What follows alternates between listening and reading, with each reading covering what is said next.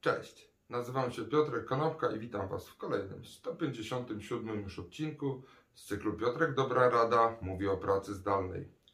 Dzisiaj powiem o 12 krokach, które należy sprawdzić w trakcie tego, jak będziecie wdrażać pracę zdalną i opracujecie oczywiście do tego jakiś specjalny regulamin.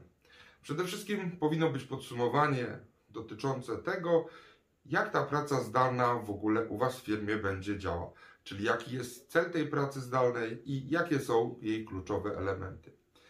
Drugim krokiem to jest opisanie zakresu i odpowiedzialności, który wchodzi w skład pracy zdalnej, czyli jakie zadania mogą być wykonywane zdalnie, a jakie muszą być wykonywane stacjonarnie. Trzecim elementem to jest y, proces requestowania, ponieważ zdajemy sobie sprawę z tego, że firma jest działającym organizmem, od którego, w którym y, znajduje się wiele elementów i wszyscy powinni wiedzieć, kto pracuje zdalnie, a kto pracuje stacjonarnie. Dlatego proces requestowania i zatwierdzania takiego requestu o pracę zdalną powinien być również jasno opisany. Po czwarte, powinniście opisać zasady związane z dostępnością pracownika i obecnością tego pracownika, czyli kiedy się pojawiamy w pracy, kiedy z tej pracy wychodzimy, jak składamy wnioski o urlopy, jak podpisujemy listę obecności, żebyście wy wiedzieli, kiedy wasi współpracownicy bądź wasi podwładni są w pracy, a kiedy mają wolne. I tak samo w drugą stronę. Jako piąty czynnik powinien być opisany, opisana produktywność, czyli w jaki sposób jesteście rozliczani z tego, jak długo pracujecie, bądź jak dużo pracujecie i za co firma Wam tak naprawdę płaci. Szósty element to jest wyposażenie i wsparcie techniczne, czyli co firma Wam udostępnia i na jakie wsparcie techniczne możecie liczyć od swojej firmy, bo na przykład nie działa Zoom, nie działa komputer albo nie działa kamerka. Siódmym elementem powinny być opisane czasy odpowiedzi.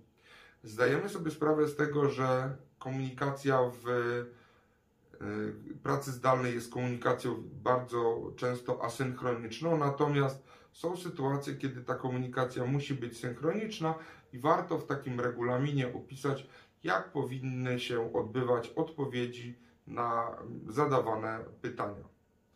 Jako ósmy element powinniście opisać wszystkie perki, które przysługują z powodu pracy zdalnej, ca cały system komp-benów, czyli co się pracownikowi należy, co się nie należy, za co płacicie, a co pracownik musi sobie zorganizować samodzielnie.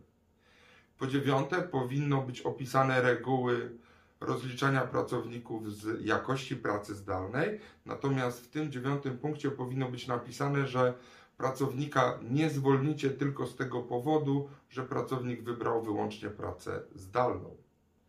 Jako dziesiąty element powinniście opisać dress code, czyli czy pracownicy przychodzą do pracy na przykład krawat, koszula i czy na przykład są włączone zawsze kamerki w trakcie wideokonferencji.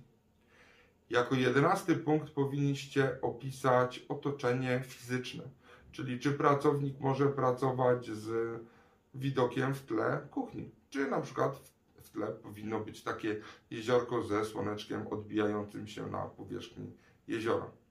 I dwunasty, ostatni element opisanego takiego regulaminu pracy zdalnej powinien dotyczyć kwestii bezpieczeństwa.